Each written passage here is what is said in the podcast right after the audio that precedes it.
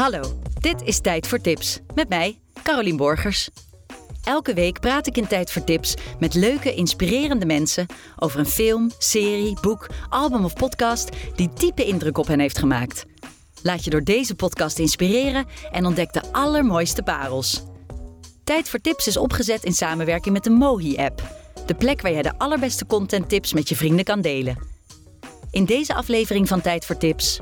Samuel Levy, worstenmaker, columnist bij Parool, co-founder van Food Cabinet en auteur van verschillende kookboeken, waaronder Eten met Nijntje en We Eten Thuis. Uh, Samuel, je bent een ondernemer puur zang. Je ziet overal kansen, nieuwe projecten, ondernemingen. In hoeverre haal jij je inspiratie uit kunst en cultuur? Um, nou, ik denk dat als, het, uh, als ik veel inspiratie heb, dan heb ik vaak ook tijd. En dan als ik tijd heb, dan lees ik en ga ik naar musea en kijk naar films. Dus ik denk dat dat wel met elkaar samenhangt. Maar het is wel een soort van fuik waar je in loopt. Dat je, als je te veel aan het doen bent, dat je daar dus ook te weinig tijd voor maakt. En dat je dan langzaam je inspiratie een beetje opraakt. Ja, terwijl je het ook andersom zou kunnen zien. Dat je dus je zo volzuigt met inspiratie. En daarna moet je heel hard werken, omdat het er allemaal uit moet. Ja, dat, zo zou je het ook kunnen zien. Maar ik, ik denk dat het wel toch meer het andere is. Dat het gewoon... Dat, dat je echt moet zoeken naar een balans als ondernemer. Dat je jezelf het eigenlijk gunt om jezelf te, te blijven inspireren. Of naar jezelf geïnspireerd te blijven. Um, en dat, dat veel mensen dat niet uh, zien. Nee, en je hebt het dan over een museum of over een boek. Naar wat voor soort musea ga jij? Um, nou, ik ga dus te weinig naar musea de laatste tijd. Maar Voorlinden vind ik echt uh, te gek. Uh, wil ik ook heel graag weer heen. Stedelijk vind ik te gek in Amsterdam. Uh, moderne kunst. Moderne kunst, wel meer dan. Ja, ja, en een renaissance stuk kunnen we jou niet heel blij maken. Nee, vind ik, vind ik wel echt heel tof. Maar dat is meer dat ik dan, als ik. Ik ben regelmatig in het Rijksmuseum. en dan doe ik daar ook andere dingen. En ik kreeg laatst weer een rondleiding over eigenlijk voedsel, zeg maar, in het Rijksmuseum, welke rol voedsel in bepaalde schilderijen heeft. En dan vind ik het heel interessant, maar het is niet het soort kunst waar ik heel blij van word. Ik word wel ook heel blij van fotografie. En hoe, hoe groot is de invloed van, van voedsel en, en, en eten in schilderijen? Gigantisch. Ja, ja, als je kijkt naar gewoon de verborgen boodschappen die uh, ja, op, op van die stillevens die bepaalde producten hebben en wat, wat de schilder daarmee wilde vertellen, dat is uh, heel groot.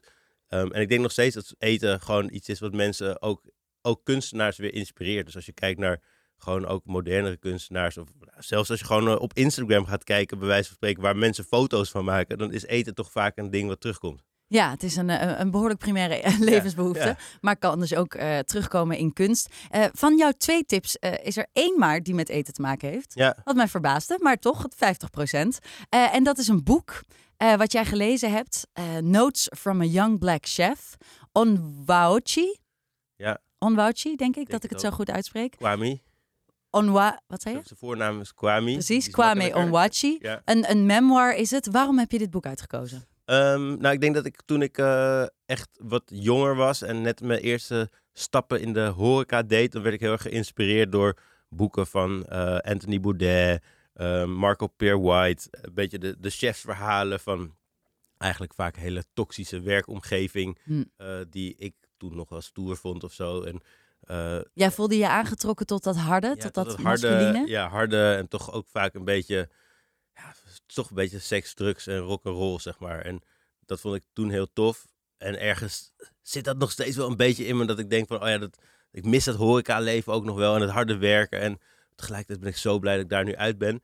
Uh, en ik las zijn boek en dat was voor mij heel erg een soort van, uh, hetzelfde soort verhaal, maar dan wel met een andere kijk daarop. Dus hij vond dat niet meer zo stoer. En hij, hij uh, heeft het veel meer eigenlijk ook een soort van maatschappelijke ondertoon over racisme in de keuken. En over uh, dat, dat die toxische werkomgeving eigenlijk helemaal niet zo gezond is. Uh, maar nog steeds zijn het wel een soort van spannende jongensverhalen. En ik dacht, ja, dit boek, ik vond het heel leuk om te lezen. Het bracht me ook heel erg terug naar mijn eigen begin in de horeca. Hij begon ook een beetje met ja, gewoon echt een beetje klusjes doen. En hij had zijn eerste geld verdiend dat heb ik niet gedaan, maar met snoep verkopen in de, in de metro van New York. Had hij 20.000 euro bij elkaar gespaard, cateringbedrijf begonnen, restaurant begonnen. Uh, ook echt gewoon ja, de koksopleiding in, in New York gedaan, had hij een beurs voor gekregen. Uh, in hele goede restaurants gewerkt waar hij echt werd uh, afgemat en op niet zo hele leuke manier vaak werd, met hem werd omgegaan. Speciaal ook omdat hij een, een, een, een, een, zwarte chef was en dat was ook niet zo heel normaal in die wereld. Ja, dus niet alleen loopt hij tegen die toxic masculinity aan, maar hij loopt ook tegen zwaar racisme aan. Ja, zeker. En ik denk dat dat iets is wat uh, te weinig is besproken en wordt besproken in, in gewoon de horeca in Nederland. Ik denk Vind je dat in Nederland ook het geval? Ja, zeker. Zeker. Ja. ja, ik hoorde laatst weer een verhaal van, van, van een vriend van me die een restaurant heeft en die aan zijn eigen bar ging zitten. En, en dat er werd gevraagd waarom de afwasser aan de, eh, aan de bar zat. En dan denk ik echt van, oh ja, dit is, dit is wel de wereld waar... En dat is omdat hij een zwarte man Ja, is. ja, ja. ja. Nou, dan denk je echt van, wow. Ehm, dus dat is gewoon heftig. En er wordt weinig over gesproken. En ik denk dat het heel goed is dat, daar, dat hij met dit boek dat eigenlijk bespreekbaar maakt. Ja, en hoe hou jij daar bewust rekening mee? Of doe je dat? Ehm, doe ik dat? Met het zorgen voor diversiteit in je... Zeker, ja. ja in, ehm, ik, we hebben daar afgelopen jaar heb ik best wel veel met mensen daarover gesproken. Ik ben me ook echt bewust van en veel meer gaan inzien dat dat echt een probleem is. In mijn eigen bedrijf vind ik dat ook nog steeds een probleem. Ehm, en daar moet gewoon iets in veranderen. Hoe, hoe ontkom je daaraan, hè? Ja, door het in ieder geval eerst te zien. Hm. Eh, en dan vervolgens ook echt je beste voor te gaan doen. Eh, en ja, en dat probeer ik nu om te kijken van hoe kun, kan ik ook met andere mensen samenwerken en mezelf omringen en me laten inspireren door andere mensen dan mensen die heel erg op mezelf lijken. Ja, dus dit boek, dat, eh, het sloeg aan bij jou omdat je er dingen in herkende, maar ook omdat je er, zoals ik nu hoor, dingen van leerde. Ja. Dat je nieuwe inzichten gaf. En wat, wat, wat- ik moet ook zeggen, hij heeft ook nog iets gedaan wat ik altijd heel graag wilde doen. Ik wilde namelijk, mijn idee was om zo'n soort boek te schrijven, niet zijn verhaal, Mhm. maar een boek wat soort van persoonlijke verhalen over mijn tijd in de horeca en ook een beetje die spannende jongensverhalen en dan daar recepten in te verweven. Maar waarom doe je dat dan niet? Dat ga ik wel doen een keer. Komt, maar hij heeft het al gedaan, dus nu hoef ik, de, de druk is eraf. Nou, hij heeft natuurlijk een heel ander verhaal. Eh, hij heeft een, een vrij dramatisch verhaal. Is jouw verhaal eh, net zo dramatisch? Nee, ik denk, ik weet ook niet of, of ik het. eh, hij heeft echt een autobiografie geschreven. Voor mij zou het meer een soort van, als ik dat wil doen, toch een deel fictie ook zijn. En ik heb niet zo'n zwaar verhaal als hij heeft. Maar ik heb wel een hele leuke kijk in de Amsterdamse horeca gekregen. En daar heb ik wel veel mee- meegemaakt. Dus ik denk, het lijkt me heel leuk om daar een keer. eh, Maak je heel erg zorgen om de horeca nu in deze coronatijd? ehm, We gaan misschien weer bijna een, eh, een lockdown in. Ja, ja, ik maak me wel echt zorgen. Gewoon vrienden van me die, waarvan ik weet hoe hard ze hebben gewerkt de afgelopen tijd. En ja, ik vind het gewoon vooral heel lullig ehm, dat de horeca steeds de eerste is die waar meteen eh, een soort van... eh, ja, de, horeca en de cultuursector zijn gewoon de sjaak al twee jaar lang. Er zijn mensen die keihard werken. En, en wat in de horeca wel echt ook zo is, dat heel veel mensen die in de horeca werken zich ook echt vereenzelvigen met hun werk. Het is echt gewoon hun passie. En ja, dat zijn helemaal niet de mensen die thuis kunnen zitten ook. Dus ik maak me daar wel zorgen over. Ehm, op verschillende levels. Dus enerzijds gewoon wat gaat er gebeuren met, met mijn eigen vrienden die dan weer thuis zitten. Die daar niet blij van worden. Maar ook gewoon als je kijkt naar de uitstroom uit de horeca. Ik denk dat de horeca een probleem heeft sowieso met dat het heel hard werken is. Dat mensen vrij weinig betaald krijgen. Dus dat je, je moet Zit daar ook dat, vinden. dat, dat eh, seks, drugs en rock'n'roll gehalte, zit dat daar ook bij? Dat je eigenlijk het idee hebt dat je ja, als op een soort barricade staat als je zo'n zo'n zo'n shift hebt gedraaid? Dat je denkt, oké, Ja. nu mogen we ook even los. Ja, zeker. Zeker. Ik heb in mijn tijd dat ik in de- in de keuken stond, dan had je, ik kon niet naar huis gaan en dan gaan slapen. Want je moet echt unwinden als je een lange dagen hebt gedraaid. Weet je, ik, we begonnen vaak om tien uur 's ochtends en je bent om twaalf uur 's avonds klaar. Eh, heb je misschien een kwartiertje gezeten op een dag, eh, keihard gewerkt. En het ook, je vindt het ook heel leuk. Je moet het ook heel leuk vinden, want anders kan je dat niet doen. Maar voor mij was het wel, ik kon dan niet Is het gaan. verslavend? Ja, zeker. Zeker. ja, het is verslavend. En ik denk dat er daarmee dus ook allerlei verslavingen op de loer liggen. Die dan vervolgens weer een soort van... eh, ik denk dat alcohol en drugs in de horeca gewoon... En ik weet niet of dat nog steeds zoveel zo is als 15 jaar geleden. Maar daar zullen die, eh, die anekdotes, die memoires, dat boek wat jij gaat schrijven, daar zal eh, seks, drugs en rock'n'roll niet ontbreken. Nee, als, als het er komt, dan zal dat niet ontbreken. Kijk er nu al naar uit. Eh, iets minder seks, drugs en rock'n'roll, maar wel een prachtige film. Malcolm and Marie. Een, een, een romantisch drama. Sam Levinson, geregisseerd. Zendaya speelt erin en John David Washington. Ja. Waarom heb je deze film uitgekozen? Ehm, ik vond het heel fascinerend. Heb, heb je hem gezien? Ja, toevallig? ik heb hem ja, gezien. Ja. Ehm, nou, ik begon eigenlijk met dat ik de serie eh, Euphoria keek van Sam Levinson met eh, Zendaya en de hoofdrol. En dat ik haar ook heel fascinerend vond. Echt een prachtige vrouw. En ik geloof dat Ragna, mijn vrouw, en ik allebei e- precies even verliefd op haar zijn Ook geworden. 100% Ja, verliefd. toch? Ja. Echt zo'n knappe vrouw. En ik weet niet, ze heeft echt iets soort van magisch over zich. Dus ik was al door haar een beetje gefascineerd. En toen kwam op een gegeven moment die film uit, Malcolm and Marie. En die was gemaakt in de lockdown. Omdat de, ze niet door konden, volgens mij, met het volgende deel van Euphoria. In ieder geval. Wat overigens 9 januari weer begint. Ja, oh wauw, dat wist ik niet eens. Ja, Nee, zeker wel. Ik heb, heb, je, heb je dat ook gezien? Ja, natuurlijk.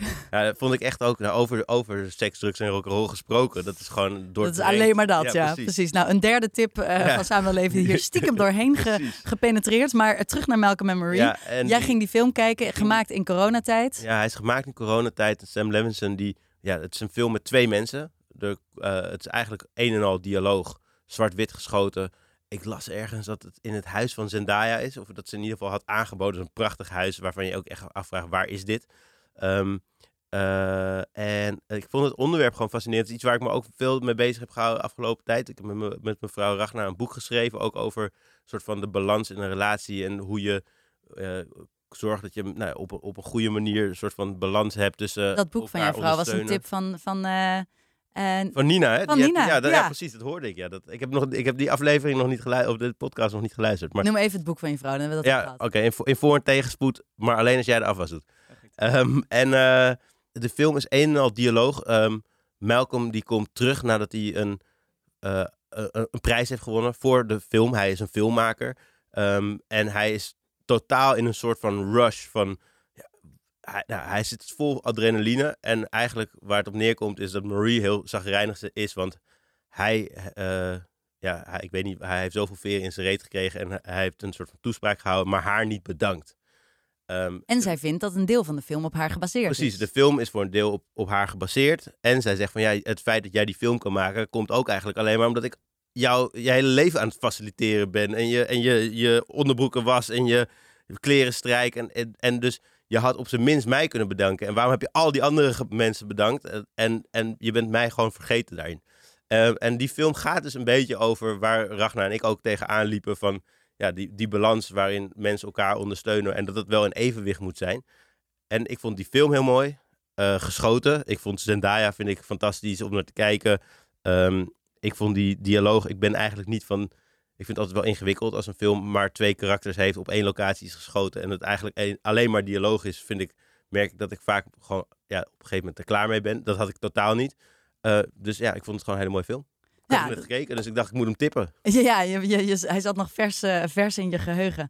Ja, het gaat inderdaad over die, die twee mensen die eh, eigenlijk hun relatie onder de loep nemen en de dynamiek die daarin speelt. Eh, hij deed mij een beetje denken aan Marriage Story. Heb je die gezien? Nee. Adam Driver en Scarlett Johansson. Ook een prachtige film. Ook eh, eigenlijk alleen maar twee mensen, voornamelijk, die eh, in dialoog met elkaar zijn en over hun, hun verhouding. Heb jij daar iets van geleerd uiteindelijk? Jij en je vrouw? Hebben jullie na afloop van de film gedacht: oh ja, Nou, het was vooral een bevestiging van, oh ja, dit is niet iets wat wij alleen hebben. En dat hebben we ook met gewoon de alle reacties op het boek nu. Het is gewoon heel herkenbaar en soms ook heel fijn om te zien dat mensen soortgelijke discussies hebben. En dat het dus niet alleen maar een particulier probleem is, maar dat het gewoon ja, toch, toch een groter maatschappelijk ding is. ehm, waarin vrouwen... En waar zit dat probleem, denk je? Waar zit, waar zit, wa- wat Ja. ligt eraan ten grondslag? Hebben we nog een half uur? Zeker een uur? hebben nee, ik denk, kijk, Als ik jij het in een half uur kan oplossen, dan ben ik heel blij. Nee, ik denk dat het heel erg te maken heeft met gewoon, eh, ja, toch een soort van, soort van verhoudingen die mannen en vrouwen aannemen, waarin vrouwen toch een beetje in de rol zijn gedrukt. En ik denk dat dat niet een heel bewust ding is, maar dat het wel maatschappelijk zo is dat ze eh, moeten zorgen voor het gezin, eh, voor hun partner. En dat mannen het gevoel hebben eh, dat dat normaal is en dat ze gewoon hun ding kunnen doen, dus zich kunnen ontwikkelen. Eh, en dat zie je heel erg terug in die discussie die zij hebben eigenlijk. Ja. En ontkom je En- daar zelf aan? Nou, we proberen daar ook echt uit te breken. Maar ik denk wel inderdaad dat eh, wat we zagen is toen we een eerste kind kregen, dat Ragnar werd meteen tegen haar gezegd van, oh ja, moet je niet wat rustiger aan gaan doen. En het zou goed zijn als je wat meer met de kinderen bent. En oeh, wil je je kinderen echt drie dagen naar de opvang brengen? Dat is wel heel veel. En dat werd, op haar werd heel erg ingesproken. ehm, van ja, misschien zou je rustiger aan moeten doen. Terwijl zij ook gewoon ambities had om haar eigen carrière verder te ontwikkelen.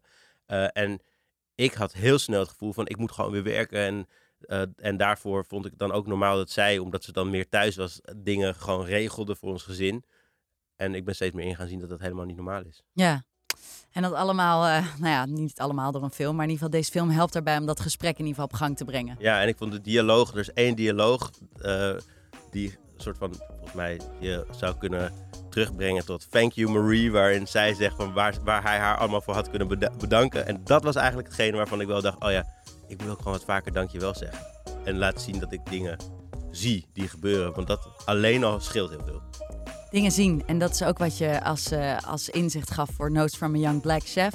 Het moment dat je het ziet waar de problematiek is, dan kan het beginnen en kan je verandering teweeg gaan brengen. Klopt, is een bus. Dankjewel, zijn we leven voor dit gesprek. Voor nog meer tips luister je volgende week weer naar Tijd voor Tips. Of check je de Mohi-app, dat is M-O-H-I, met daarop nog meer inspiratie. En mocht je nou zelf een waanzinnige aanrader hebben, laat me dat dan weten door een mailtje te sturen naar tijdvoortips.mohi.app.